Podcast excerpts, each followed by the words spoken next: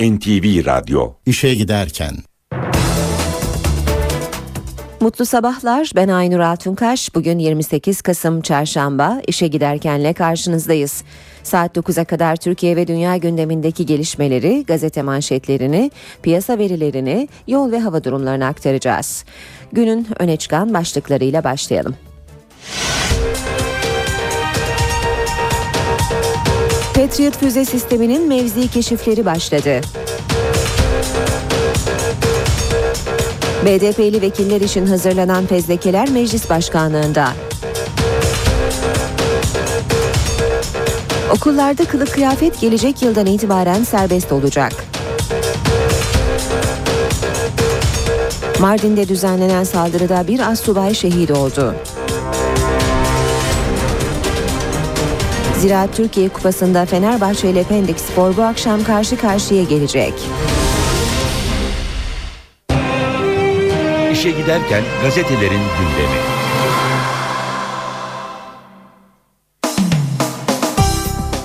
Basın özetlerine Milliyet Gazetesi ile başlıyoruz. Dolmabahçe anılarda yok demiş Milliyet manşette. Başbakan İspanya yolunda konuştu. Birçok görüşme benimle birlikte mezara gidecek. Anılarımda, günlüğümde Dolmabahçe yok. Halit Meşal aradı. 5 Aralık'ta Gazze'ye gidiyor. Davet etti. Size sürpriz yapabilirim. Gazze, Katar, Mısır sokaklarında itibarımız çok yüksek. Halit Meşal, İsmail Haniye, Mursi, Katar emiri bizi bilir. Dolmabahçe rutin görüşmeydi. Genelkurmay Başkanı ile yaptığım her görüşmeyi soruyor musunuz? 27 Nisan sonrası İstanbul'daydım, çağırdım. O görüşmenin orada yapılmış olması önemliydi. Birçok görüşme benimle birlikte mezara gidecek. Anılarımda, günlüğümde Dolmabahçe olmayacak diye anlatmış Başbakan Erdoğan gazetecilere. Devam edelim. Liderlerin gündemi dokunulmazlık. Kılıçdaroğlu kürsü hariç bütün dokunulmazlıklar kalksın dedi. Bahçeli'nin açıklaması ise biz varız ama bunlar taktik şeklinde oldu. Anamızdan vekil doğmadık başlığını da görüyoruz. BDP eş başkanı Gülten Kışanağ'ın açıklaması Anamızdan milletvekili olarak dokunulmazlık zırhıyla doğmadık. Dokunulmazlıklarla ilgili konuşacağımız zamanı biliyoruz. Devam edelim yine Milliyet gazetesinden aktarmaya. Pendik günü geldi çattı. 13 yıl önce Fenerbahçe'yi Türkiye Kupası'ndan eleyip sarı lacivertli ekibe tarihi bir yenilgi tattıran Pendik Spor 20.30'da Kadıköy'e çıkıyor. Teknik direktör Mehmet Erdal Alparslan, cesaretliyiz, yürekliyiz, tarih tekerrür edebilir dedi. Sabah gazetesiyle devam edelim. Sabahta da manşet Dolmabahçe günlükte yok. Başbakan Erdoğan, Büyük Anıt'la Dolmabahçe buluşması bizim için rutin bir görüşmeydi. Günlüğümde yer almayacak dedi. Devam ediyoruz Sabah gazetesinden aktarmaya. Türkiye OECD'de şampiyon. OECD'nin tahminine göre Türkiye 2013 ve 2014'te ekonomik büyümede dünya devlerine fark atacak.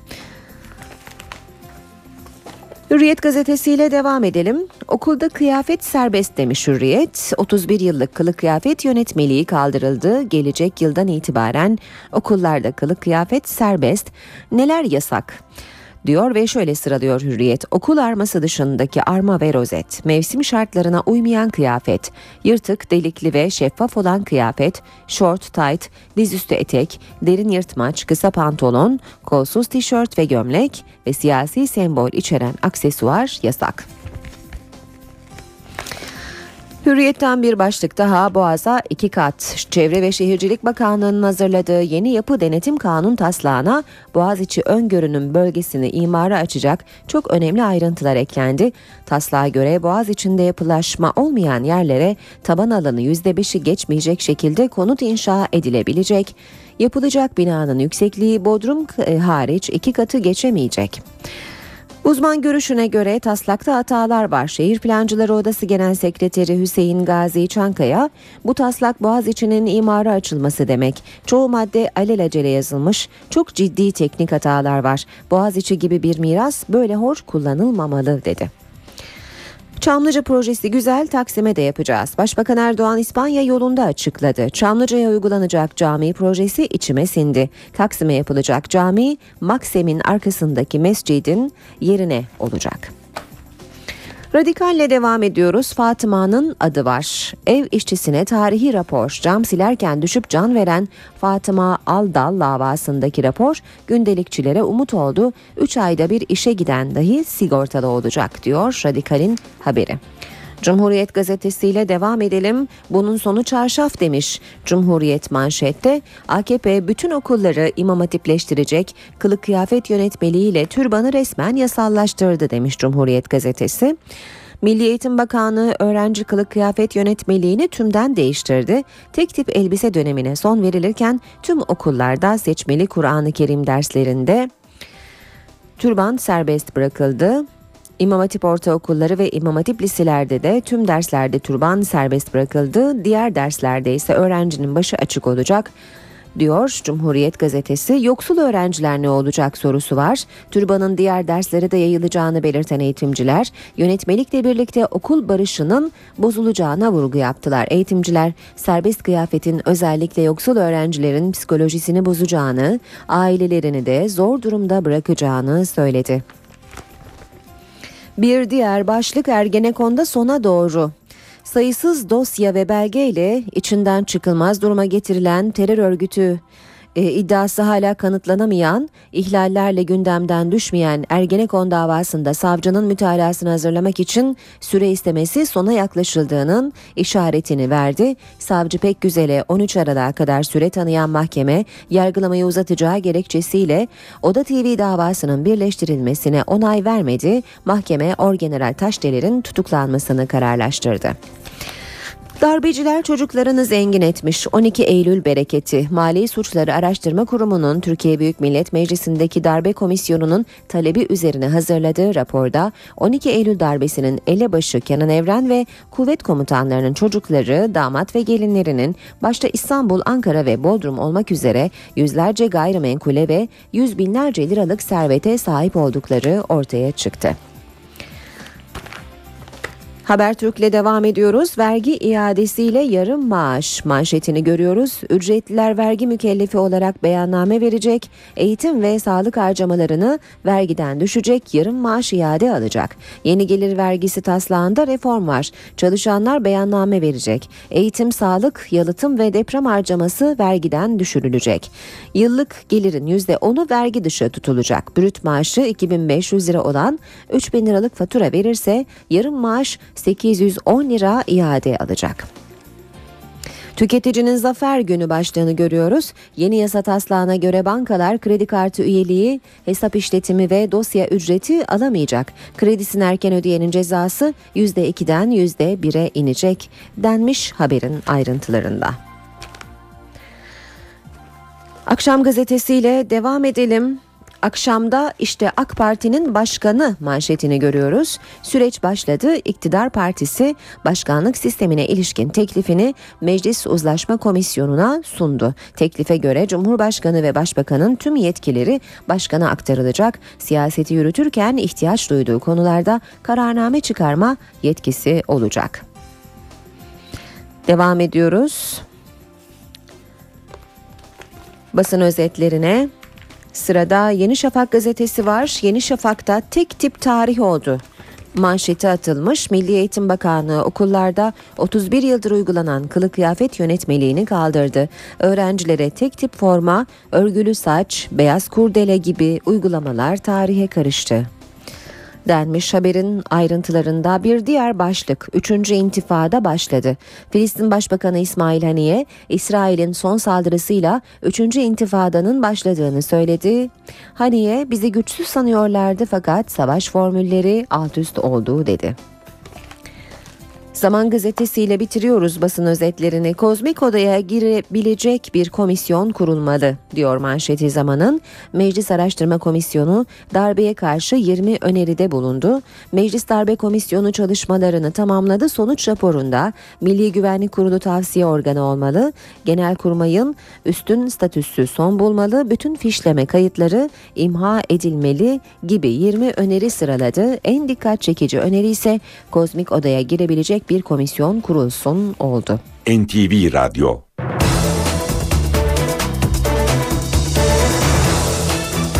7.16 saat NTV Radyo'da işe giderken gündemin ayrıntılarıyla devam ediyor. NATO heyetinin Türkiye'ye konuşlandırılacak Patriot hava ve füze savunma sistemleri için mevzi keşifleri başladı. 30 kişilik NATO heyeti dün akşam inceleme yapmak için Malatya'ya gitti. Muhalefet partilerinin liderleri ise Suriye'den bir tehdit varsa açıklansın diyerek gelişmelere tepki gösterdi. Şu anda NATO'dan görevlendirilen heyetler ülkemize gelmiş ve Türk Silahlı Kuvvetlerimizden de görevlendirilen e, arkadaşlarımızla birlikte bölgede çalışmalarını sürdürüyorlar. NATO heyeti Patriot hava ve füze savunma sistemleri için Türkiye'de. 30 kişilik uzman heyeti taşıyan uçak Malatya 7. Anajet Üst Komutanlığı'ndaki Erhaç Havalimanı'na indi. Heyet daha sonra askeri araçlarla yoğun güvenlik önlemleri altında konaklayacakları Malatya Ordu evine geçti. Amerika Birleşik Devletleri, Almanya ve Hollanda askerlerinin bulunduğu heyetin Malatya'da yapılacak incelemenin ardından yarın kentten ayrılması bekleniyor. İncelemelerde Patriot hava ve füze savunma sistemlerinin konuşlandırılacağı bölgeler, sistemlerin miktarı, Türkiye'ye gelecek yabancı personel sayısı ve konuşlanma süresi belirlenecek. NATO heyetinden önce Türk yetkililer tarafından yapılan ön çalışmada 6 Patriot bataryasına ihtiyaç olduğu hesaplandı. Yer konusunda öne çıkan illerse Diyarbakır, Şanlıurfa ve NATO radarının faaliyette olduğu Malatya Kürecik. Muhalefet ise tepkili. Uçuşa yasak bölge için oluşturacağız Suriye'de bir uçuşa yasak bölge. Onun için bizim bu füzelere ihtiyacımız var diyorsanız onu da çıkın söyleyin. Bu millet bilsin. Bu millet çocuğuna eline silah verip cepheye gönderdiği zaman gerekçesini bilmek zorundadır. Hangi gerekçeyle sen bu çocukları göndereceksin oraya? Yoksa bu füzeler Kürecik istasyonunu korumak için mi geliyor? Suriye'deki füze rampaları Türkiye'ye mi çevrilmiştir? Ülkemiz siyasal başlıklı füzelerin hedefinde midir? Suriye savaş uçakları Türkiye sınırına yakın bölgedeki kasaba ve köyleri bombaladı. Bölgeden yükselen dumanlar Türkiye tarafından görüldü. Türk jetleri sınırda devriye uçuşu yaptı. Suriye savaş uçakları Hatay Reyhanlı'ya bağlı Beşaslan köyüne 500 metre uzaklıktaki Harim kasabasını bombaladı. Bombardımanın ardından Harim'den dumanlar yükseldi. İncirlik'ten kalkan Türk jetleri ise yarım saat süreyle sınır hattında devriye uçuşu yaptı. Savaş uçakları Türkiye sınırına 30 kilometre uzaklıktaki bir köyü de vurdu. Haseki kentine 35 kilometre uzaklıktaki Reyhani köyüne düzenlenen bombardımanda ölü ve yaralıların olduğu bildirildi. Yaralıların bir kısmı yakınları tarafından Resulayn'a götürülerek oradan Şanlıurfa'nın Ceylanpınar ilçesine getirildi. Aralarında bir çocuğun da bulunduğu yaralılar Ceylanpınar Devlet Hastanesi'ne kaldırıldı. Durumu ağır olan bir kişi de Şanlıurfa'ya sevk edildi.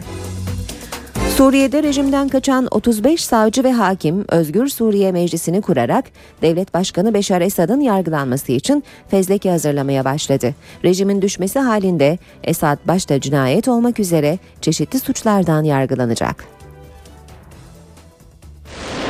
Cinayet, cinayete teşebbüs, taciz, tarihi eserleri tahrip etme ve hırsızlık. Suriye Devlet Başkanı Beşar Esad rejimin düşmesi halinde bu suçlardan yargılanacak. Suriye'de iç savaştan kaçarak Türkiye'ye sığınan hakim ve savcılar Özgür Suriye Meclisi'ni kurdu.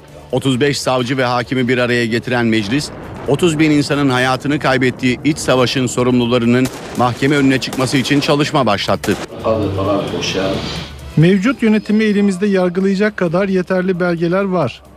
İnsanlık suçu işledikleri gerekçesiyle Esad ve yönetimindeki herkesin mal varlığına el konulacak. Muhalif savcı ve hakimler Suriye Devlet Başkanı Esad ve kurmaylarıyla birlikte 150 kişi için fezleke hazırlıyor. Hatta Esad'ın fezlekesi tamamlandı. Devlet başkanı cinayetle suçlandı. Halep ve İdlib kentlerinde inceleme yapıldı ve gerekli belgelerin fotoğrafları elde edildi. İnceleme ve araştırmalarımızda uçaklarla insanların öldürüldüğünü belirledik.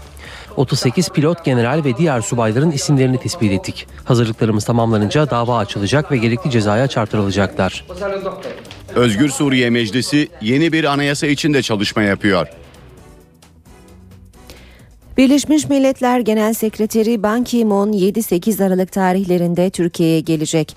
Birleşmiş Milletler Genel Sekreteri Türkiye temaslarında ilk olarak Suriyeli sığınmacıları ziyaret edecek. Ancak hangi kampları ziyaret edeceği henüz netleşmedi. Ban Ki-moon Türkiye ziyaretinin ikinci gününde 8 Aralık'ta ise Ankara'da olacak. Birleşmiş Milletler Genel Sekreterinin Cumhurbaşkanı Abdullah Gül, Başbakan Tayyip Erdoğan ve Dışişleri Bakanı Ahmet Davutoğlu ile görüşmesi bekleniyor. Kilis Öncüpınar'daki Suriyeli sığınmacıların dün önemli konukları vardı. Amerika Birleşik Devletleri Uluslararası Kalkınma Ajansı Başkanı Rajiv Sah ve Amerikan Büyükelçisi Francis Richardone, Büyükelçi Richardone barınma merkezinde kalan Suriyeli çocuklarla Arapça sohbet etti. Amerika Birleşik Devletleri Uluslararası Kalkınma Ajansı Başkanı Rajiv Shah'ın ilk durağı Kilis Valiliği oldu. Şan, Vali Süleyman Tapsız'dan Öncü Pınar'daki geçici barınma merkezinde kalan Suriyelilerle ilgili bilgi aldı. Amerikalı yetkili, valiliğin ardından Öncü Pınar'daki geçici barınma merkezini ziyaret etti. Ziyaret sonrası Kilis Valisi Süleyman Tapsız, uluslararası toplumun Suriye halkının yaşadığı drama seyirci kalmaması gerektiğini söyledi. Şu anda kampta gördüklerinden etkilendiğini kaydetti. Başkan Obama bizden yerlerinden edilmiş Suriyeliler için ne gerekiyorsa yapmamızı istedi. Türkiye'nin gösterdiği liderlik ve Suriyelilere sağladığı destek olağanüstü. Amerika Birleşik Devletleri Türkiye ile birlikte hareket edip Suriye halkına yardım yapmaya devam edecektir. Amerikalı yetkili bugüne kadar Suriyelilere 200 milyon dolarlık yardım ulaştırdıklarını belirtti. Amerika Birleşik Devletleri'nin Ankara Büyükelçisi Francis Richardone de izlenimlerini anlattı.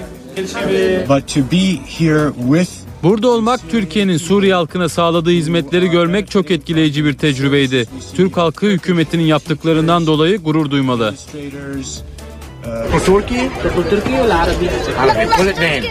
Büyükelçi Richardone basın toplantısının ardından kampta kalan Suriyeli çocuklarla Arapça sohbet etti. İnşallah fi yumen ma hatsuruna fi Amerika. İnşallah. İşe giderken BDP'lilerin PKK'lı grupla kucaklaşma görüntüleri üzerine hazırlanan fezlekeler meclis başkanlığına ulaştı. Başbakanın dokunulmazlıkların kaldırılacağı sinyali vermesinin ardından muhalefetten de bu konuda destek geldi. BDP ise tartışmaların gündem değiştirme amaçlı olduğu görüşünde. Başbakan yardımcısı Bülent Arınç ise karar verilirken siyasi sonuçları hesaplanmalı uyarısında bulundu. Dokunulmazlık zırhına bürünen bu zevatla ilgili kararımızı dokunulmazlıklarını kaldırmak suretiyle vereceğiz. Ondan sonrası artık yargıya aittir. BDP'li milletvekillerinin PKK'lı bir grupla kucaklaşmasıyla başlayan süreçte dokunulmazlıkların kaldırılması gündemde. Başbakan Recep Tayyip Erdoğan'ın BDP'li vekillerin dokunulmazlıklarının kaldırılacağı sinyalini vermesinin ardından muhalefetten de destek geldi. CHP lideri Kemal Kılıçdaroğlu, kürsü hariç bütün dokunulmazlıkların kaldırılması gerektiği görüşünde. Cumhuriyet Halk Partisi'nin görüşü çok açık. Kürsü dokunulmazlığı hariç bütün dokunulmazlıklar kalksın. Yolsuzluk yapanın, hırsızlık yapanın, ihaleye fesat karıştıranın Türkiye Büyük Millet Meclisi'nde ne işi var? Anın dokunulmazlığı kalksın, benimki devam etsin. Bu değil. MHP lideri Devlet Bahçeli de BDP'li milletvekillerinin dokunulmazlıklarının kaldırılmasından yana. Milliyetçi Hareket Partisi teröre yardım ve yataklık yapanların, terör örgütüyle arasına sınır çekmeyenlerin dokunulmazlıklarının kaldırılmasına sonuna kadar vardır ve daha da da ve daha önceki teklifinin de arkasındadır. BDP eş başkanı Gülten Kışanak tartışmanın gündem değiştirmeye yönelik olduğunu söyledi. BDP blok milletvekillerinin hiçbiri dokunulmazlık sırrına sığınarak siyaset yaparak bugünlere gelmediler. Bu bedelden korksaydık bu yola baş koymazdık, bu mücadeleyi omuzlamazdık. Konu Başbakan Yardımcısı Bülent Arınç'ın da gündemindeydi. soğukkanlılıkla kanunlarda suç sayılan eylemleri yapıyorlar. Dolayısıyla da yargılanmayı yüz defa hak ediyorlar. Umuyorum ki karma komisyon dokunulmazlıklarının kalkması yönünde bir karar alırsa tüm siyasi partiler siyasi sonuçlarını da hesaplayarak bu konuda oylarını kullanırlar. Peki bundan sonraki süreç nasıl işleyecek? Anayasa Komisyonu Başkanı Burhan Kuzu NTV yayınında anlattı. Meclis başkanlığımıza dosya geldikten sonra dosyalar karma komisyona gelecek başkanı bulundu. Karma komisyonun vereceği karar genel kurulun kararına bağlı. Biz sadece süreci başlatmış durumdayız. Genel kurul kaldırılsın derse söz konusu milletvekillerinin yargılandıkları davalardan hüküm giymelerinin önü açılacak. Ancak Anayasa Mahkemesi'ne bireysel başvuru hakları da saklı kalacak. Öte yandan Burhan Kuzu cinsel taciz iddialarıyla gündeme gelen CHP Grup Başkan Vekili Muharrem İnce'nin dokunulmazlık dosyasının da isteği doğrultusunda bu süreçte ele alınacağını söyledi. Mardin'in Ömerli ilçesinde PKK'lı teröristlerin jandarma karakoluna düzenlediği saldırıda yaralanan bir assubay şehit oldu. Bir üsteğmen de yaralandı. Çatışmada iki terörist öldürüldü. PKK'nın hedefinde bu kez Mardin'in Ömerli ilçesindeki bir jandarma karakolu vardı. Saldırıda bir assubay şehit oldu, bir üsteğmen de yaralandı. PKK saldırısı Ömerli'ye 24 kilometre mesafede bulunan Ünsalı Köyü Jandarma Karakolu'na sabah saatlerinde düzenlendi. Bir grup PKK'lı ağır silahlarla karakola ateş açtı. Karakoldaki askerlerin anında karşılık vermesiyle çatışma çıktı. Çatışmada karakol komutanı jandarma subay İlker Düzova şehit oldu. Üsteğmen Alper Ferdi Tanrı da yaralandı. İki PKK'lı öldürüldü. Mardin Devlet Hastanesi'ne kaldırılan yaralı Üsteğmen daha sonra helikopterle Diyarbakır Askeri Hastanesi'ne kaldırıldı. Çatışmanın sürdüğü Ünsalı köyüne Ömerli ve Mardin'den takviye askerler gönderildi. Bölge karadan ve havadan ablukaya alındı. Çatışmada şehit olan Assubay İlker Düzova'nın acı haberi ise Hatay'ın İskenderun ilçesindeki baba evine ulaştı. 33 yaşındaki İlker Düzova yeni yaşına şehit olduğu çatışmadan bir hafta önce girmişti. İki yıllık evli olan şehit Assubay'ın bir kardeşi de polisti. Şehidin baba evine Türk bayrakları asıldı. Meclis Darbe ve Muhtıraları Araştırma Komisyonu nihai raporunu tamamladı. Rapor bugün açıklanacak. Komisyon raporla birlikte 20 maddelik bir öneri listesi de açıklayacak. Devletin darbe mağdurlarından özür dilemesi, bütün fişlemelerin iptal edilmesi, darbe dönemlerinde el konulan malların iade edilmesi öneriler arasında. Komisyonun muhalefet kanadı rapora itirazını alternatif rapor açıklayarak ortaya koyacak. Sivil bir anayasa yapılsın. Darbe dönemlerindeki faili meçhul cinayetler gerçekleri araştırma komisyonu kurularak aydınlatılsın. Devlet tüm darbe mağdurlarından özür dilesin. Milli Güvenlik Kurulu sivil yapının kontrolüne alınsın. Bu öneriler Meclis Darbe ve Muhtıraları Araştırma Komisyonu'nun meclis başkanlığına sunacağı nihai rapordan. 8 ayda 156 kişiyi dinleyen komisyon, Başbakan Recep Tayyip Erdoğan'dan gelen yazılı yanıtların ardından nihai raporunu tamamladı. Raporda dikkat çekici öneriler de var. Komisyon jandarmanın sivilleştirilmesi, askeri yargının tamamen kaldırılmasını öneriyor. Profesyonel orduya geçilmesi de komisyonun teklifleri arasında. Dikkat çeken bir başlıkta darbe dönemleri ve sonrasındaki fişlemelerle ilgili. Komisyon yapılan bütün fişlemelerin imha edilmesi görüşünde. Sıkı yönetim ve olağanüstü hal uygulamalarının sınırlarının net olarak çizilmesi, Ordu Yardımlaşma Kurumu OYAK'ın devletle bağının kesilmesi de öneriliyor. Darbe çağrışımı yapan yasaların tespiti için mecliste yeni bir komisyon kurulması da öneriliyor. Darbe dönemlerinde mal varlığına el konulan iş adamlarına mallarının iadesi raporun dikkat çeken önerilerinden. Rapora muhalefetten itiraz var. CHP ve MHP iki ayrı alternatif rapor hazırladı. MHP Gerçekleri Araştırma Komisyonu kurulması önerisine karşı çıkıyor. MHP'ye göre bu komisyon Abdullah Öcalan'ın Hakikatleri Araştırma Komisyonu önerisinin hayata geçirilmesini sağlayacak. CHP ise 8 aylık sürenin kısa olduğu, yeni bir komisyon kurularak çalışmaların devam etmesi gerektiği görüşünde. Az sonra spor haberlerini sunacağız. Şimdi kısa bir ara verelim. Ara vermeden önce gündemin başlıklarını hatırlatalım. Patriot füze sisteminin mevzi keşifleri başladı. BDP'li vekiller için hazırlanan fezlekeler meclis başkanlığında. Okullarda kılık kıyafet gelecek yıldan itibaren serbest olacak. Mardin'de düzenlenen saldırıda bir assubay şehit oldu. Ziraat Türkiye Kupası'nda Fenerbahçe ile Pendik Spor bu akşam karşı karşıya gelecek.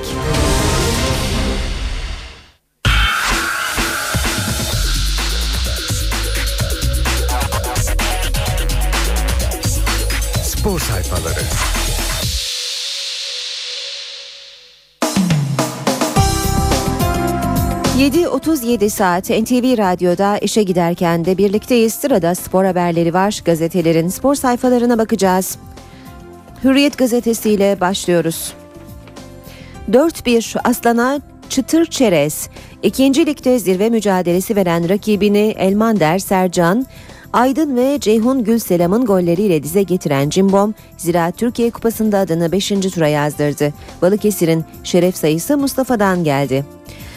Terim soru meselesine açıklık getirdi. Ben gönderme yapmam, imada bulunmam. Kocamana hedef alan Fatih Hoca, birine bir şey söyleyeceksem direkt söylerim, arka ve yan sokaklara girmem dedi. Madrid'de berber yok galiba. Başbakan Erdoğan Arda Turan'a bu sözlerle takıldı. Emre ve Arda Başbakan'a torunları Ahmet Akif ve Ömer Tayyip imzi için imzalı Atletico forması hediye etti. Ee, Başbakan Arda Turan ve Emre Belözoğlu ile görüştü. Görüşmeye Arda'nın saçları damgasını vurdu. Erdoğan Arda Turan'ın uzun saçlarını görünce ünlü futbolcuya burada berber yok galiba diye takıldı. Arda da Başbakan Erdoğan'a buranın ekonomisi bozuk olduğu için kestiremiyoruz diye esprili bir yanıt verdi. Terim'in üzerinden oyun oynanıyor. Ali Dürüst, yayıncı kuruluşun bir teknik direktörü devamlı çekmesi uygun değil demiş. Yedek kulübesi teknik direktörlerin kutsal yeridir. Galatasaray ikinci başkanı son günlerde Fatih Terim bayağı bir büyüteç altına alınmışa benziyor. Bunu da ben biraz kasıtlı olarak değerlendiriyorum dedi. Devam edelim Hürriyet gazetesinden aktarmaya. Yönetici transfer yapamayacak. Beşiktaş Başkanı Fikret Orman devrim niteliğinde bir karar aldıklarını açıkladı. Oyuncu almak başkanın işi değil. Siyah beyazlı kulüpte çok şey değişecek. Orman herkes bildiği işi yapacak. Artık yöneticiler transferlerden geri çekilecek. Futbolun ehli insanlarından bir sistem oluşturacağız dedi. Her şey İbra ile başladı. İbrahimovic'in İngiltere'ye attığı röveşata golü futbolda domino etkisi yarattı. Bekir'in röveşatası, Melo'nun kaleye geçip penaltı kurtarması ve son olarak önceki gün Servet'in Messivari golü. Tüm bu yaşananların fitili İbra'nın golüyle ateşlendi. Yeşil sahalarda alışılmışın dışında olaylar meydana geliyor. Devam ediyoruz basın e, özetlerine spor basınından özetler aktarmaya. Ağrılar içinde oynadık. Pendik faciasının sırrı ortaya çıktı. Kemalettin 13 yıl sonraki rövanş öncesi önemli bir gerçeği açıkladı. O günü asla unutmadı. Fenerbahçe tarihinin en dramatik yenilgisini anlattı. Pendik maçı öncesi Zeman ağır bir idman yaptırdı. İnanılmaz ağrılarla acı çekerek sahaya çıkmıştık. Maçtan önce yağan yağmur ve zeminin kötülüğü de buna eklendi. O gün kim olsa bizi yenerdi. Dört gözle Galatasaray zaferi bekliyorum. Alex 3 hafta sonraki derbi için Fenerbahçe'ye mesaj gönderdi. O maçta çok fazla ter ve mücadele olacak. Brezilyalı derbi hakkında temennim bir taraftar olarak tabii ki Fenerbahçe'nin daha önceki gibi kazanması yorumunu yaptı. Alex de Souza özlem duygum etkilemesin diye Türkiye ile ilgili şeyleri düşünmemeye çabalıyorum diye konuştu. Devam edelim. Spor haberleri aktarmaya e, Milliyet gazetesine bakalım. Milliyet'ten aktaracağımız ilk başlık yedek anahtar. Galatasaray yedek ağırlıklı kadrosuyla Balıkesir'e şans tanımadı. Ziraat Türkiye Kupası'nda 5. tura adını yazdırdı. Elmander'in golünü Mustafa yanıtladı. Sercan'la yeniden üstünlüğü yakalayan Aslan, Aydın ve Ceyhun'la farka uzandı. Bu gurur çarşının sosyal konulara duyarlılığıyla dikkat çeken Beşiktaş'ın ünlü taraftar grubu 2012 yılı empati ödülüne layık görüldü. Türk Psikolojik Danışma ve Rehberlik Derneği'nin 2012 yılı empati ödülü Beşiktaş'ın çarşı grubuna verildi. Van üşüyor sloganıyla depremzedelere dikkat çekmek isteyen siyah beyazlılar Fenerbahçe derbisinde kaşkolları tribünlerden sahaya doğru atmış ve gündem yaratmıştı deniyor haberde. Şifre çözücü teknik direktör Aykut Kocaman'ın Pendik Spor'u kesinlikle hafife almadığı rakibin son maçlarını yardımcısı İsmail Kartal'a izlettirerek geniş bir rapor hazırlattığı öğrenildi. Devam ediyoruz. Spor basınından haberlere Karşıyaka bileti aldı. Euro Challenge Cup A grubunda iki Türk takımını karşı karşıya getiren mücadelede Pınar Karşıyaka ilk maçta son saniyede devirdiği Tofaş'ı bu kez çok farklı yendi. 4'te 4 yaparak gruptan çıkmayı garantiledi. Maçın skoru 78-56. Ve son olarak da Haber Türkiye bakalım. Ziraat oh ne rahat. Aslan Ziraat Türkiye Kupası'nda ikincilik ekibi Balıkesir'i rahat geçip 5. tura çıktı. Arenada bu sezon ilk kez 4 gol atıldı. Tabelada Elmander, Sercan, Aydın ve Ceyhun'un imzası vardı. Adnan Polat'ı yok saydılar. Ünal Aysal yönetiminin hazırlattığı Galatasaray'ın tarihini anlatan kitapta tüm başkanlar yer alırken sadece Adnan Polat pas geçildi. Galatasaray'ın 107 yıllık tarihinin kilometre taşlarının yer aldığı 100 sayfalık kitap kriz yarattı. Kitapta ismini ve fotoğrafını göremeyen Adnan Polat Aysal'a bu bir ihmal değilse beni tarihten silme çabasıdır şeklinde sitemkar bir mektup gönderdi. Resminiz var cevabı geldi. Tekrar sayfaları inceleyen Polat nokta kadar fotoğrafını ancak mercekle görebildi.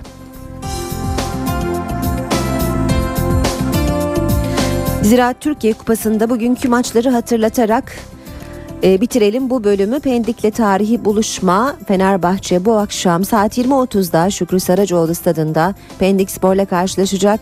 Beşiktaş'la Ankara gücü saat 18.30'da Beşiktaş İnönü stadında mücadele edecek. Diğer maçlardan saat 13'te Tavşanlı Linyit Medical Park Antalya Spor karşı karşıya gelecek.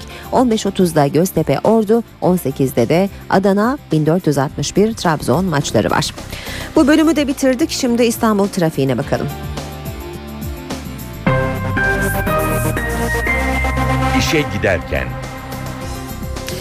Önce bir kaza haberi verelim. Büyükdere Caddesi'nde e, Maslak Hacı Osman yönünde yaralanmalı bir trafik kazası var. Boğaziçi Köprüsü'nde de Avrupa Anadolu yönünde bir araç arızası meydana geldi.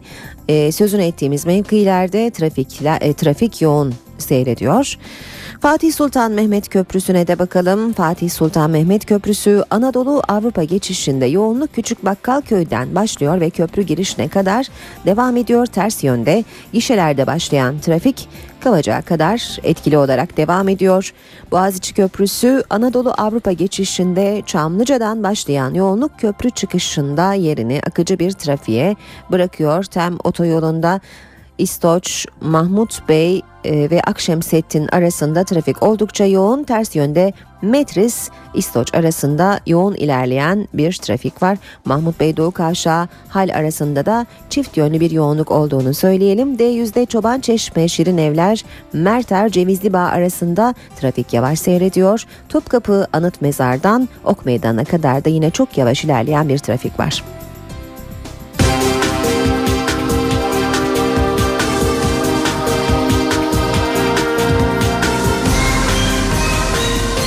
İşe giderken. Ergenekon davasında süreç hızlandı. Savcı dava ile ilgili mütalasını hazırlayabilmesi için mahkemeden dosyayı istedi. Mahkeme savcının bu talebinin kabul etti. Ayrıca duruşmada yaş üyesi Orgeneral Nusret Taşdeler'in de tutuklanması kararı çıktı. Taşdeler hakkında tutuklama kararı alınan ilk muvazzaf orgeneral oldu. Ergenekon davasında mahkeme heyeti yaş üyesi Orgeneral Nusret Taşdeler'in örgüt yöneticiliği suçlamasıyla tutuklanmasına karar verdi. Bu kararla Ergenekon davasında ilk kez muvazzaf bir orgenerale tutuklama kararı verilmiş oldu. Ergenekon davasında tutuklu sanık sayısı da 67'ye çıktı. Savcı Mehmet Ali Pekgüzel, Oda TV ve Oyak davalarının Ergenekon'la birleştirilmesi talebinin de reddedilmesini istedi. Buna gerekçe olarak da davadaki sanık sayısının yeterince fazla olduğunu ve davanın uzayabileceği ihtimalini gösterdi. Mahkeme her iki davanın birleştirilmesi talebini reddetti. 21 dosyanın bir araya getirildiği Ergenekon davası 4 yıldır devam ediyor. Eski Genelkurmay Başkanı emekli Orgeneral İlker Başbuğ, CHP'li milletvekilleri Mehmet Haberal, Mustafa Balbay, emekli Tuğgeneral Veli Küçük, İşçi Partisi Genel Başkanı Doğu Perinçek, emekli orgeneraller Hurşit Tolon ve Şener Er Uygur gibi 275 sanık yargılanıyor. 4 yıldır süren yargılamada 31 gizli olmak üzere 153 tanık ifade verdi, 600'ün üzerinde duruşma yapıldı. Son olarak internet andıcı dosyası kapsamında yargılanan Orgeneral Nusret Taşdeler'in ifadesinin alınmasının ardından mahkeme heyeti Cumhuriyet Savcısına görüşünü sordu. Duruşma savcısı Mehmet Ali Pekgüzel esas hakkındaki görüşünü hazırlamak için mahkemeden dosyayı istedi. Mahkeme bu talebi kabul etti. Cumhuriyet Savcısının mütalasını hazırlaması için 13 Aralık'a kadar süre verildi. Bu gelişme davanın artık karar aşamasına bir adım daha yaklaştığının bir göstergesi. Balyoz Mahkemesi heyeti kaza atlattı. Mahkeme heyetinin içinde bulunduğu konvoyun önüne otomobilini kırarak tehlike yaratan bir kadın sürücü hakkında yasal işlem başlatıldı. İstanbul 10. Ağır Ceza Mahkemesi heyeti başkanı Ömer Diken'le üye hakimler dün sabah saatlerinde koruma araçları ile birlikte Silivri cezaevine doğru yola çıktı. Konvoy Tem otoyolunda seyir halindeyken Merve Türkmen adlı kadın sürücü kullandığı otomobilin direksiyonunu konvoya doğru kırdı. Konvoydaki korumalar kadın sürücünün otomobilini durdurdu. Mahkeme Başkanı Ömer Diken, kadın sürücü hakkında aşırı hız ve tehlikeli araç kullanmak suçundan trafik cezası kesilmesi için talimat verdi. Silivri cezaevine götürülen Merve Türkmen hakkında yasal işlem başlatıldı. Türkmen duruma itiraz etti. Ben sadece sollayıp konvoyu geçmek isteyince görevliler zorla durdurdu dedi. İlk ve orta öğretimde kılık kıyafet gelecek yıldan itibaren serbest olacak. İmam Hatip'te okuyan kız öğrenciler bundan sonra tüm derslerde başını örtebilecek. Uygulamada başka ayrıntılar da var. Milli Eğitim Bakanlığı'nın yayınladığı yönetmelikle öğrenciler tek tip kıyafet giymek zorunda değil. Kurallara uydukları sürece serbest kıyafet giyebilecekler. Milli Eğitim Bakanlığı 31 yıllık yönetmeliği değiştirdi. Okullarda kıyafet gelecek dönemden itibaren serbest olacak. Yani böyle sıkıcı oluyor yani her gün aynı kıyafetler her serbest olursa daha iyi olur diye düşünüyorum. Ben giyerim o giyer ama e, durumu olmayan giyemez. Bu sefer ayrıcalıklar çıkacak. Bir de zaten günümüzün en, en kötü şey de marka olayı. Başbakan Recep Tayyip Erdoğan serbest kıyafet sistemini resmi ziyaret için gittiği İspanya'da değerlendirdi. Bırakalım herkes nasıl arzu ediyorsa, nasıl gücü neye yetiyorsa onu alsın, onu evladına giydirsin. Ve en çok tartışılan konu türban. İmam Hatip'teki kız öğrenciler tüm derslerde başını örtebilecek. Açıklama Milli Eğitim Bakanı Ömer Dinçer'den geldi. İmam Hatip okullarında kız çocuklarımız başlarını örtebilecekler. Diğer okullarımızda ise Kur'an-ı Kerim'i seçen çocuklarımız yani Kur'an-ı Kerim'in kendi usul ve adabına uygun bir şekilde başlarını örtebilirler. Bu türbana serbestlik geldiği yorumlarını da beraberinde getirecek. Siz ne diyorsunuz buna? Bence bu çok doğru bir yorum değil. Milli Eğitim Bakanlığı olarak biz ne yaptığımızın farkındayız. Yani bu bir hükümet yönetmeliği olduğuna göre aslında eğer öyle bir niyeti olsaydı bütünüyle bu o, yönetmelikte onu serbest hale getirebilirdi. Yaptığımız uygulama bizim aslında eğitimin ihtiyaçları doğrultusunda olan bir uygulamadır. Dinçer artık öğrencilerin saçına da karışılmayacağını söyledi. Normalde e, kıyafetlerin serbest bırakılması yanında başka e, serbestlikler de var. Çocukların saçlarının e, okul idareciler tarafından uzun diye kesilmemesini sağlayacak türden tedbirler var. Onları e, şayet okul yöneticilerimiz şimdiden uygulamaya koyarlarsa ben mutlu olurum.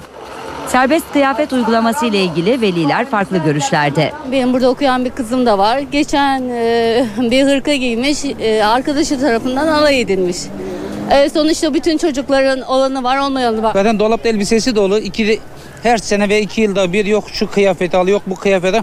Bir de belirli mağazalara mahkum kılıyorlar insanları. Askeri okullardan ayrılmak kolaylaşıyor. Uygulama değişti. Askeri okullardan ayrılan öğrencilerin ödemek zorunda olduğu tazminat koşulları yumuşatıldı.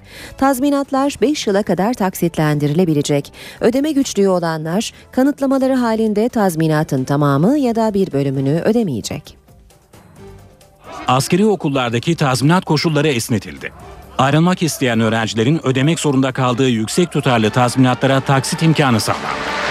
Milli Savunma Bakanlığı'nın değiştirdiği yönetmelikle askeri okullardaki öğrenim giderinden doğacak alacakların faizleriyle birlikte tahsil edilmesine devam edilecek. Ancak Milli Savunma Bakanlığı'ndan da onay alınarak borcun ana parası 5 yıl taksitlendirilebilecek.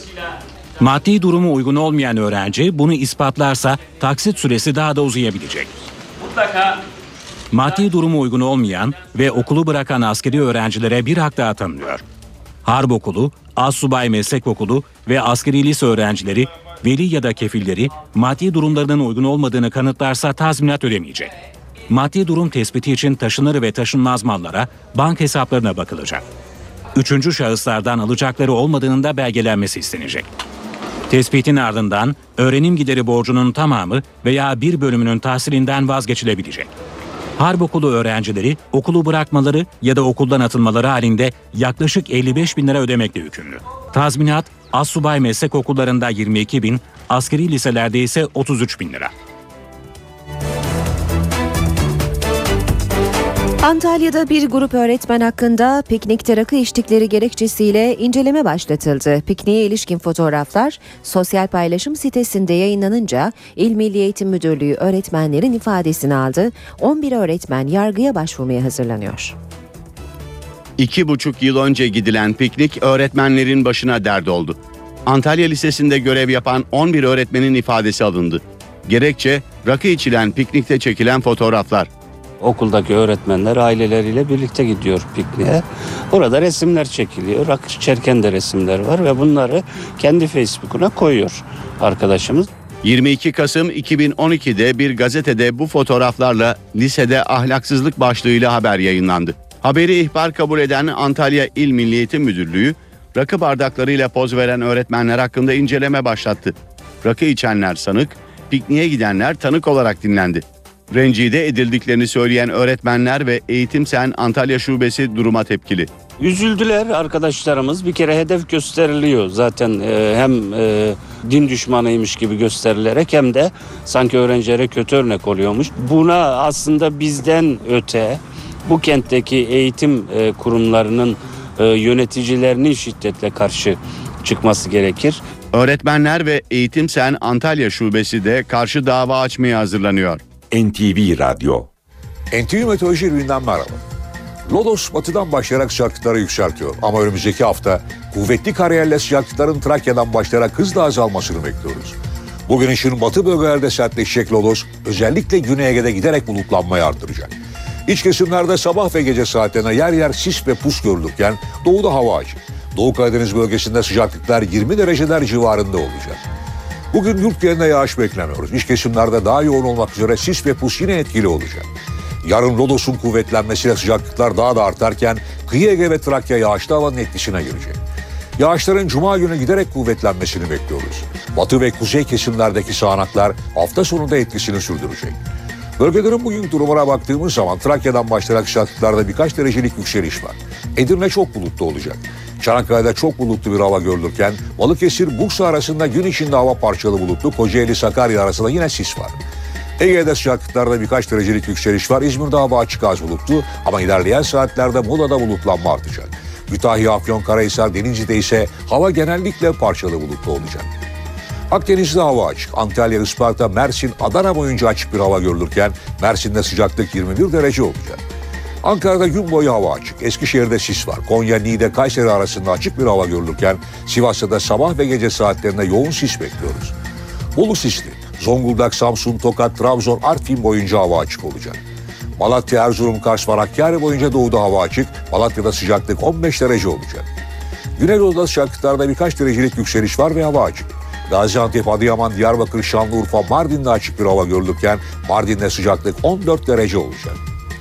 İstanbul bugün daha ılık, lodos hızını biraz arttıracak ve sıcaklık gündüz 17, gece ise 12 derece olacak. Yarın lodos giderek kuvvetlenecek. Ankara'da öğle saatlerinde hava açık, akşam yine pus var. Sıcaklık gündüz 12, gece ise 4 derece olacak. İzmir'de sıcaklık 20 dereceye yükseliyor ama öğleden sonra hava bulutlanacak, yarınsa hafif de olsa yağış başlayacak. İşe giderken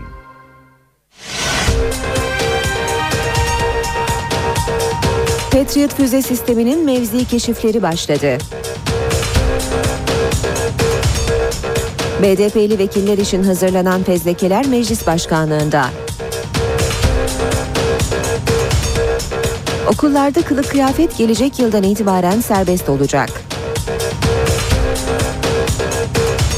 Mardin'de düzenlenen saldırıda bir assubay şehit oldu. Ziraat Türkiye Kupası'nda Fenerbahçe ile Pendik Spor bu akşam karşı karşıya gelecek. İşe giderken gazetelerin gündemi.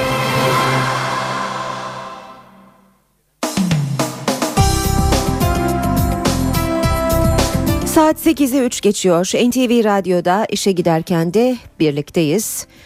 Gündemdeki gelişmelerin gazetelere nasıl yansıdığına bakalım. Milliyetle başlayalım. Manşet Dolma Bahçe anılarda yok. Başbakan İspanya yolunda konuştu. Birçok görüşme benimle birlikte mezara gidecek. Anılarımda, günlüğümde Dolma Bahçe yok. Erdoğan İspanya'ya giderken gazetecilere gündemdeki konularla ilgili açıklama yapmış. Halit Meşal aradı 5 Aralık'ta Gazze'ye gidiyor davet etti size sürpriz yapabilirim demiş başbakan.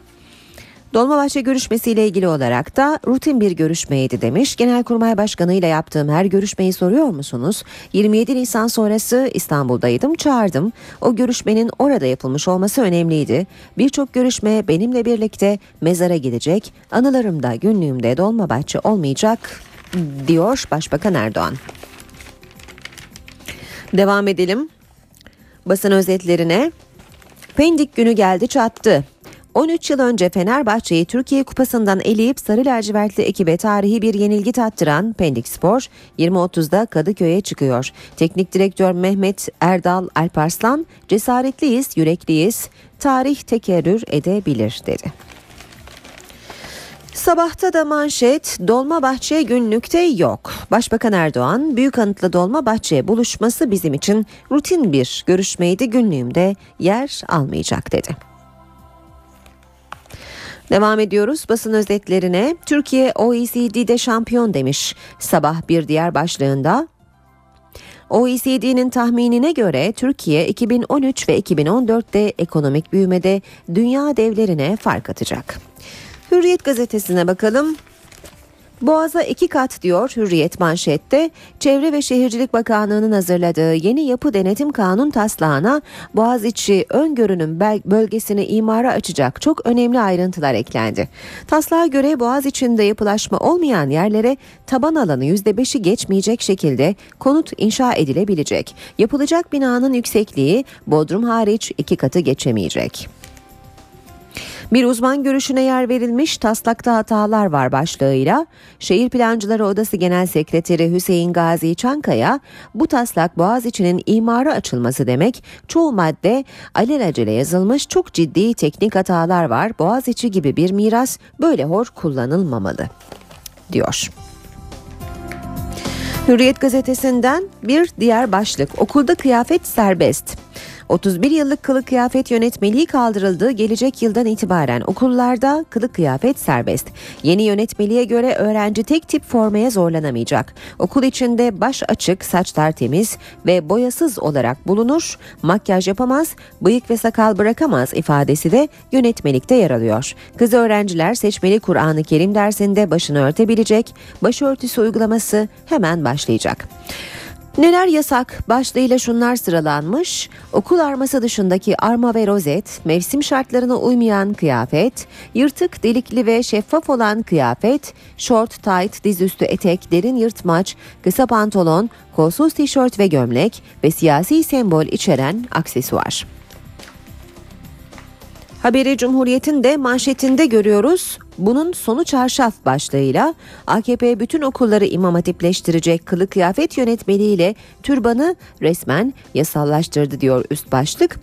Türbanın dersleri de yayıl, e, diğer derslere de yayılacağını belirten eğitimciler yönetmelikle birlikte okul barışının bozulacağına vurgu yaptılar. Eğitimciler serbest kıyafetin özellikle yoksul öğrencilerin psikolojisini bozacağını, ailelerini de zor durumda bırakacağını belirtti. Öğrenciler arasında marka bağımlılığı ve ayrımcılığı ayrımcılığın yaşanacağına da dikkat çekildi. Devam ediyoruz bir diğer başlıkla Darbeciler çocuklarını zengin etmiş. 12 Eylül bereketi. Mali Suçları Araştırma Kurumu'nun meclisteki darbe komisyonunun talebi üzerine hazırladığı raporda 12 Eylül darbesinin elebaşı Kenan Evren ve kuvvet komutanlarının çocukları, damat ve gelinlerinin başta İstanbul, Ankara ve Bodrum olmak üzere yüzlerce gayrimenkule ve yüz binlerce liralık servete sahip oldukları ortaya çıktı. Devam ediyoruz basın özetlerine. Cumhuriyet'ten bir başlık daha Ergenekon'da sona doğru. Savcı Pekgüzel'e 13 Aralık'a kadar süre tanıyan mahkeme yargılamayı uzatacağı gerekçesiyle Oda TV davasının e, birleştirilmesine onay vermedi. E, Mahkeme Orgeneral Taşdeler'in tutuklanmasını kararlaştırdı, diyor Cumhuriyet haberinde. Akşam gazetesi var sırada işte AK Parti'nin başkanı manşetini görüyoruz. Süreç başladı. İktidar Partisi başkanlık sistemine ilişkin teklifini Meclis Uzlaşma Komisyonu'na sundu. Teklife göre Cumhurbaşkanı ve Başbakanın tüm yetkileri Başbakan'a e, başkana aktarılacak. Siyaseti yürütürken ihtiyaç duyduğu konularda kararname çıkarma yetkisi olacak. Patriotların Suriye ile hiçbir ilgisi yok. CHP lideri Kılıçdaroğlu Patriotlar konusunda hükümetin gerçeği sakladığını belirterek sordu. Tehdit mi var? Suriye'nin işin başından aşkın iç çatışmayla uğraşıyor. Fındık kadar beyni olan bunu bilir. Küreciyi korumak için mi geliyor? İsrail'e pazarlık sonucu mu konuşlandırılacak? Teröristi af şimdi gerçekleşiyor. MHP lideri Bahçeli'nin açıklamalarına bakalım. Erdoğan'ın silah bırakan PKK'lıların başka ülkelere gitmesini öneren sözlerine tepki gösterdi. Demek ki söz konusu ülkeler bile belirlenmiş. PKK'ya af nihayet gerçek olmuştur. Devam ediyoruz basın özetlerine. Radikale bakalım. Fatıma'nın adı var. Ev işçisine tarihi rapor. Cam silerken düşüp can veren Fatıma Aldal davasındaki rapor gündelikçilere umut oldu. 3 ayda bir işe giden dahi sigortalı olacak. Devam ediyoruz. Habertürk gazetesiyle Vergi iadesiyle yarım maaş demiş Habertürk manşette. Ücretliler vergi mükellefi olarak beyanname verecek. Eğitim ve sağlık harcamalarını vergiden düşecek. Yarım maaş iade alacak. Yıllık gelirinin %10'u vergi dışı tutulacak. Brüt maaşı 2500 lira olan 3000 liralık fatura verirse yarım maaş 810 lira iade alacak. Yine Habertürk'ten aktaralım. Taksim'e de cami yapılacak. Erdoğan Çamlıca Camii projesi içime sindi demiş.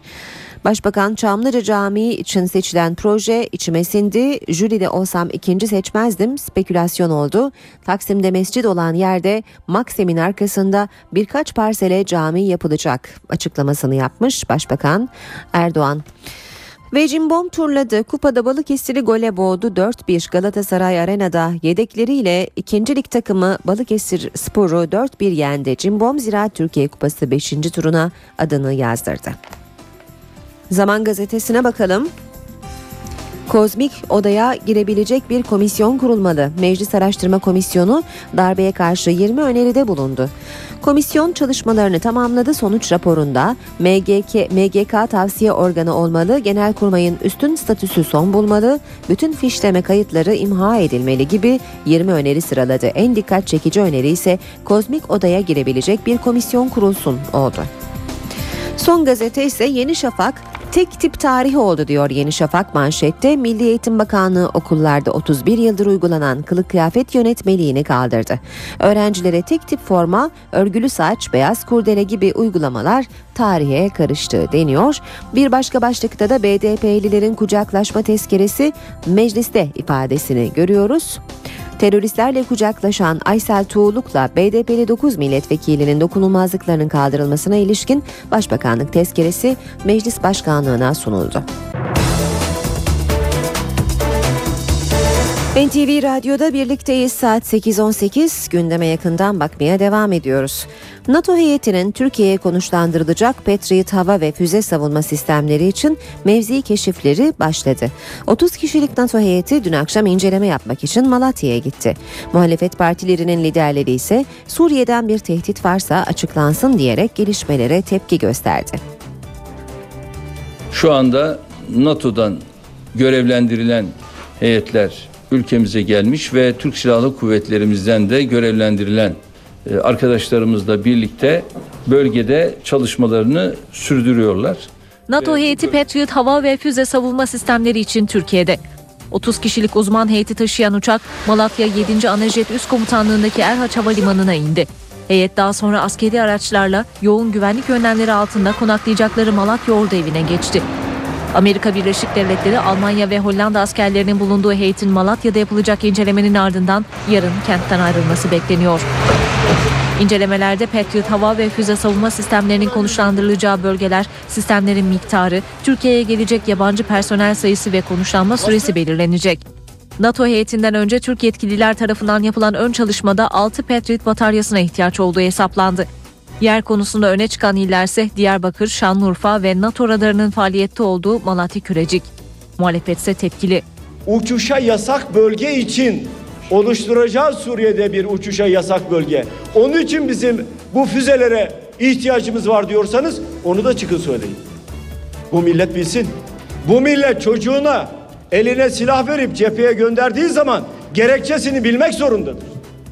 Hangi gerekçeyle sen bu çocukları göndereceksin orada? Yoksa bu füzeler Kürecik istasyonunu korumak için mi geliyor? Suriye'deki füze rampaları Türkiye'ye mi çevrilmiştir? Ülkemiz siyasal başlıklı füzelerin hedefinde midir? BDP'lilerin PKK'lı grupla kucaklaşma görüntüleri üzerine hazırlanan fezlekeler meclis başkanlığına ulaştı. Başbakanın dokunulmazlıkların kaldırılacağı sinyali vermesinin ardından muhalefetten de bu konuda destek geldi. BDP ise tartışmaların gündem değiştirme amaçlı olduğu görüşünde. Başbakan yardımcısı Bülent Arınç ise karar verilirken siyasi sonuçları hesaplanmalı uyarısında bulundu. Dokunulmazlık zırhına bürünen bu zevatla ilgili kararımızı dokunulmazlıklarını kaldırmak suretiyle vereceğiz. Ondan sonrası artık yargıya aittir. BDP'li milletvekillerinin PKK'lı bir grupla kucaklaşmasıyla başlayan süreçte dokunulmazlıkların kaldırılması gündemde. Başbakan Recep Tayyip Erdoğan'ın BDP'li vekillerin dokunulmazlıklarının kaldırılacağı sinyalini vermesinin ardından muhalefetten de destek geldi.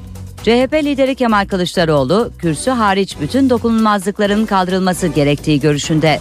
Cumhuriyet Halk Partisi'nin görüşü çok açık. Kürsü dokunulmazlığı hariç bütün dokunulmazlıklar kalksın. Yolsuzluk yapanın, hırsızlık yapanın, ihaleye fesat karıştıranın Türkiye Büyük Millet Meclisi'nde ne işi var?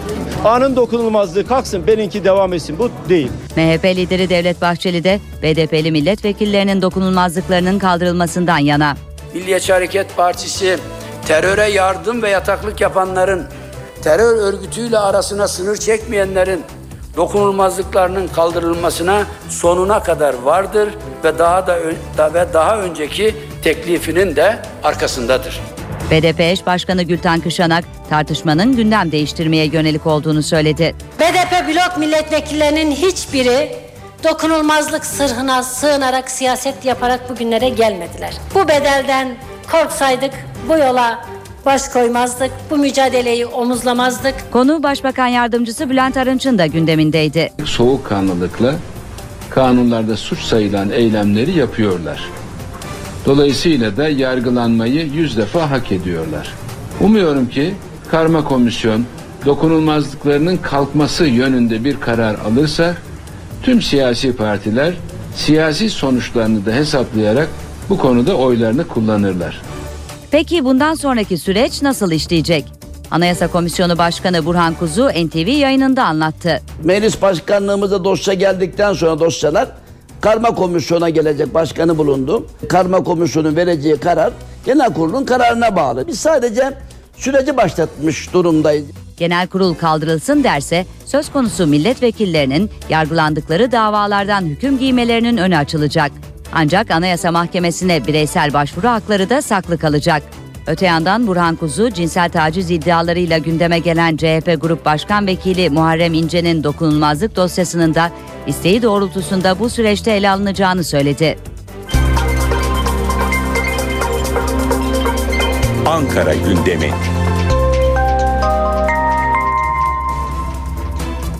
Başkent gündemiyle devam edelim. Ayrıntılar NTV muhabiri Özden Erkuş'ta.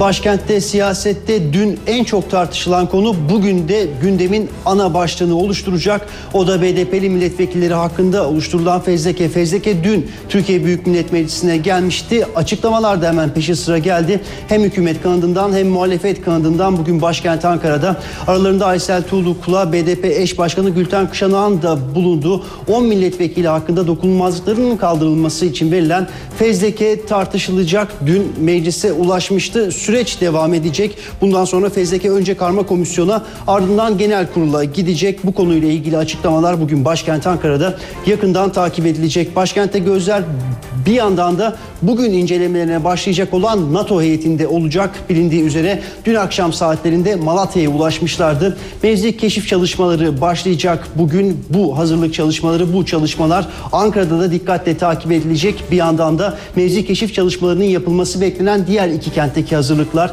yani Diyarbakır ve Şanlıurfa'daki hazırlıklar da dikkatle izlenecek başkent Ankara'da. Öte yandan Suriye sınırındaki askeri yığınak ve askeri hazırlıklarda başkentin dikkat kesildiği diğer konu başlıkları arasında. Ankara bugün iki yabancı konuğu da ağırlayacak. Bulgaristan Cumhurbaşkanı Rozen Plevneliye ve Senegal Başbakanı Abdul Embaye bugün başkentte olacaklar. Bulgaristan Cumhurbaşkanı Cumhurbaşkanı Gül, Meclis Başkanı Çiçek ve Başbakan Erdoğan'la görüşecek. Cumhurbaşkanı Gül ve Plevneliyev Çankaya Köşkü'nde ortak bir basın açıklaması da yapacaklar. Senegal Başbakanı Abdul Embaye de Ankara'da Cumhurbaşkanı Gül ve Meclis Başkanı tarafından kabul edilecek ve Başbakan Erdoğan'la da bir görüşmesi olacak. Bu görüşmenin ardından da e, Başbakan Erdoğan'la birlikte kameraların karşısına geçecek bu iki basın toplantısı yani Cumhurbaşkanı Abdullah Gül ve Başbakan Erdoğan'ın konuklarıyla gerçekleştireceği basın toplantısı ve bu basın toplantılarında verilecek mesajlarda siyasetin gündemini belirleyecek. Başbakanın programından bahsettik. Ana muhalefet partisi CHP'nin de bugün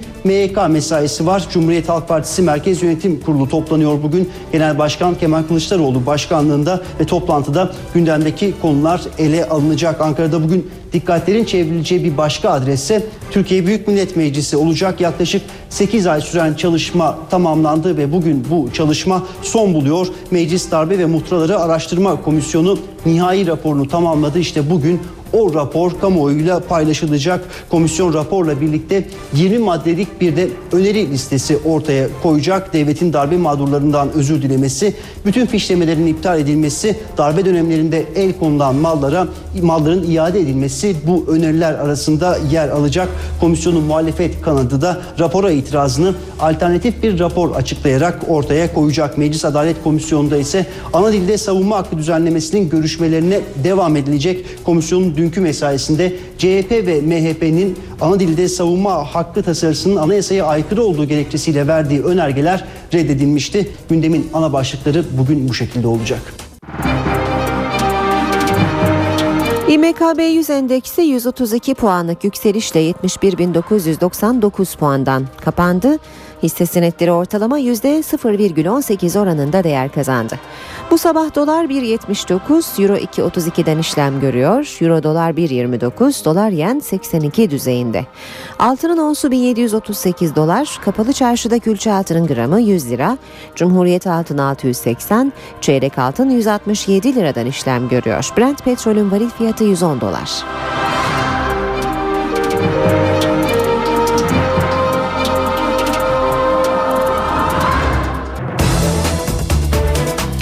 Az sonra bir aramız olacak ama ara vermeden önce İstanbul trafiğine bir kez daha bakalım. Şu anda Tem'de İstoç Tekstil Kent yönünde kalan bir araç sebebiyle bölgede yoğunluk var ve bu yoğunlukta artarak devam ediyor. Köprülerle devam edelim. Boğaziçi Köprüsü Anadolu Avrupa geçişinde Çamlıca itibariyle başlayan yo- e, yoğunluk köprü çıkışında da kısa bir süre devam ediyor. Ters yönde ise Piyale Paşa'dan itibaren Anadolu yakasına geçişte köprü çıkışından sonra da devam eden bir yoğunluk olduğunu söyleyelim. D100 çok yoğun bu sabahta. Şu anda Toskoparan'dan itibaren Ok Meydanı'na kadar oldukça yavaş seyreden bir trafik var. Daha geride ise Şirin Evler Merter arasında çift yönlü bir yoğunluk olduğunu belirtelim. Aynı şekilde Mahmut Bey Doğu Kavşağı'ndan Hale kadar yine çift yönlü bir yoğunluk var. Halden sonra ise Anıt Mezar'a kadar devam eden bir yoğunluk olduğunu görüyoruz. Tem otoyolunda ise e, şu anda özellikle Karayolları Mahallesi'nden başlayan ve Maslak Kavşağı'na kadar devam eden e, bir yoğunluk olduğunu görüyoruz ve bu yoğunluk neredeyse köprü çıkışına kadar da e, sürücüleri zorluyor. Anadolu yakasına geçelim. Anadolu yakasında da yine e, bir yol çalışması sebebiyle e, yoğun olan bir bölgeden söz edeceğiz. Kartal Pendik yönünde e, devam eden yol bakım çalışması Soğanlık lojmanlardan Kartal'a kadar trafiği yoğunlaştırıyor. Ters yönde de yoğunluk var ve e, Bostancı Küçükyada arasında da yine çok yavaş ilerleyen bir trafik olduğunu söyleyebiliriz. Fatih Sultan Mehmet Köprüsü Anadolu Avrupa geçişinde ise Ataşehir itibarıyla başlayan yoğunluk Çavuşbaşı'nda biraz rahatlıyor ancak sonrasında Elmalı'da yeniden yoğunlaşıyor ve köprü girişine kadar da bu şekilde devam ediyor.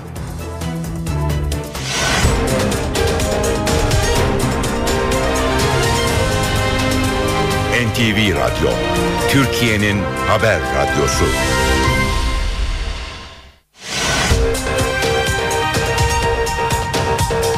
Patriot füze sisteminin mevzi keşifleri başladı. BDP'li vekiller için hazırlanan fezlekeler meclis başkanlığında. Okullarda kılık kıyafet gelecek yıldan itibaren serbest olacak. Mardin'de düzenlenen saldırıda bir assubay şehit oldu. Ziraat Türkiye Kupası'nda Fenerbahçe ile Pendik Spor bu akşam karşı karşıya gelecek.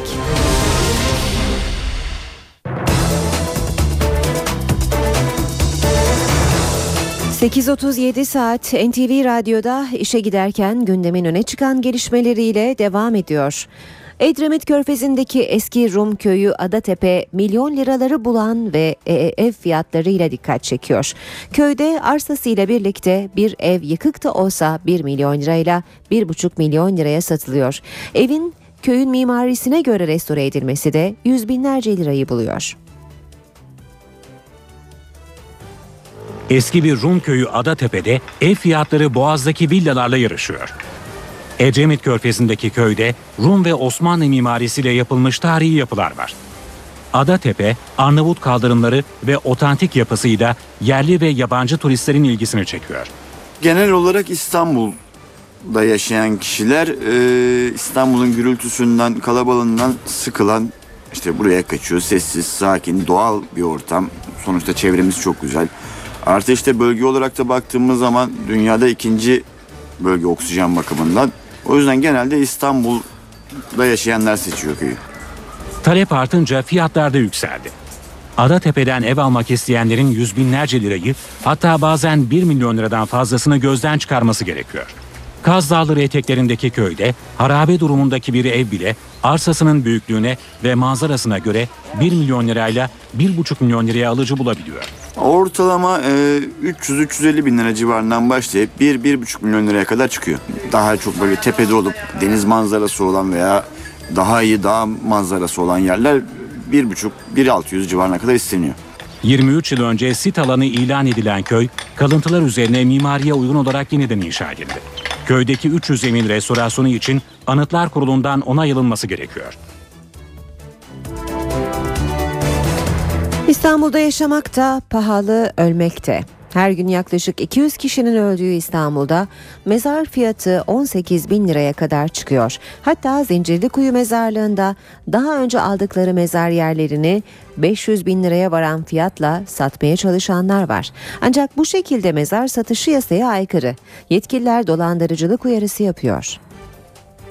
335 adet mezarlığımız vardır. Bu mezarlıklarımızda yatan, metfun olan insan sayısı 3 milyon civarındadır. İstanbul'da her gün kaç mezara ihtiyaç oluyor en az? Bir günlük bizim şu andaki definimiz günde 200 adet e, cenazemizi defin yapıyoruz. Her gün en az 200 kişinin toprağa verildiği İstanbul'da bazı mezarlıklarda yer bulmak çok zor hatta imkansız.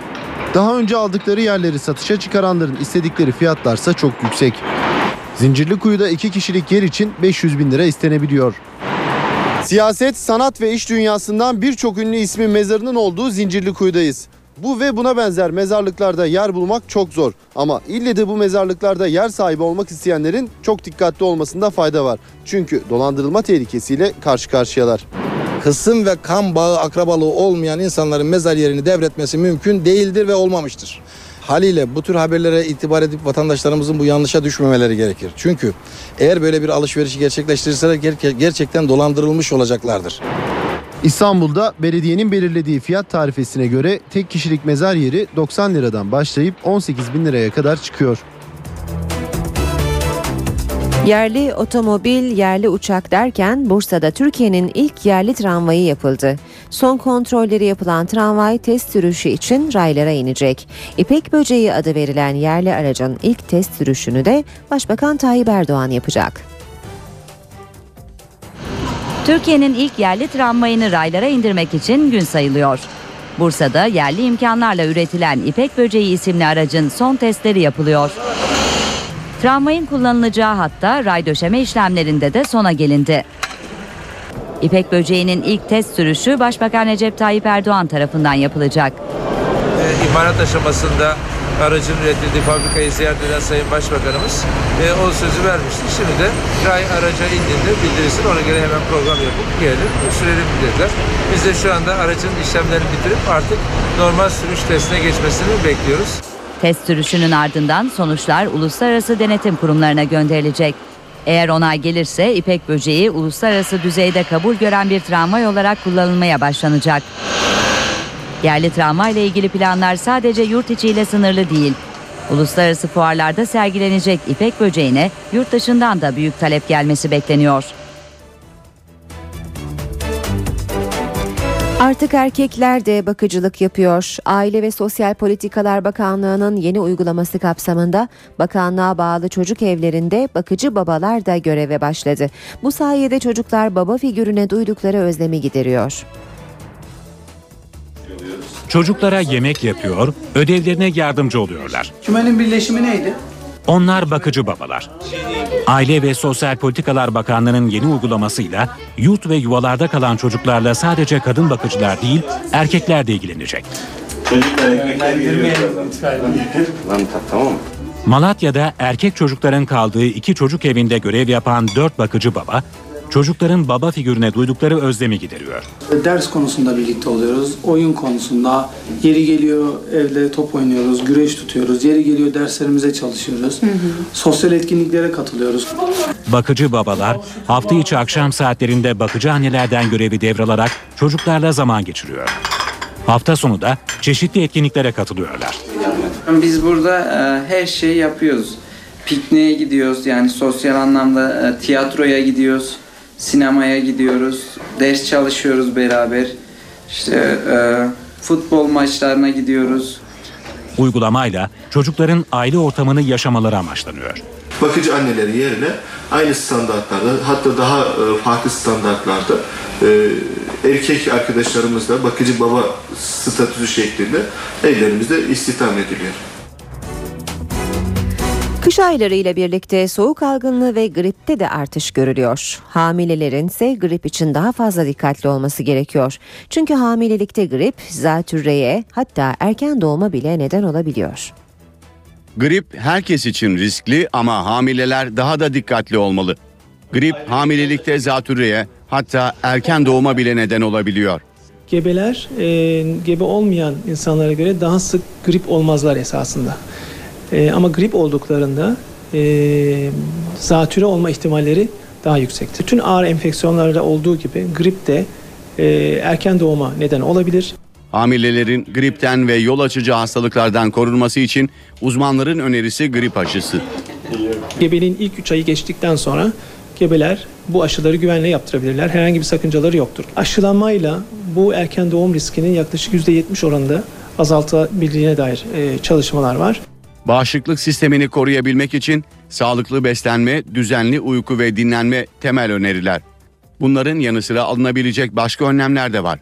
Virüsü taşıyan insanlarla teması azaltmak, e, özellikle tokalaşma, öpüşme bunlar e, virüsün yayılmasına neden oluyor. Dolayısıyla ellerin sık sık yıkanması ve e, virüsü taşıyan insanlar e, odaya geldiği zaman, kapalı bir ortama geldiği zaman odanın havalandırılması Bunlar yapılacak olan koruyucu e, şeylerdir. İşe giderkenin sonuna geldik ama gündemi kısaca hatırlayalım veda etmeden önce. Bugün yine Patriot füze savunma sistemiyle ilgili gelişmeler yakından takip ediliyor. Dün NATO'dan gelen heyet Malatya'da mevzi keşiflerine başladı. Dokunulmazlıklarla ilgili gelişmeler de sıcak gündem maddeleri arasında yer alıyor. Buna göre BDP'li vekillerin dokunulmazlıkları ile ilgili hazırlanan fezleke meclis başkanlığına ulaştı. Farklı bir konu daha bugün gündemde olacak. Meclis Darbe ve Muhtıraları Araştırma Komisyonu'nun raporunun bugün açıklanması bekleniyor. Raporla birlikte 20 maddelik bir öneri listesi de olacak. Ziraat Türkiye Kupası'nda bugün de maçlar var. Günün önemli maçı Fenerbahçe ile Pendik Spor arasında saat 20.30'da oynanacak maç Fenerbahçe Şükrü Saracoğlu stadında. Ben Aynur Altunkaş. İşe giderkenden bugünlükte bu kadar. Saat başında gelişmelerle yeniden buluşmak üzere. Hoşçakalın. NTV Radyo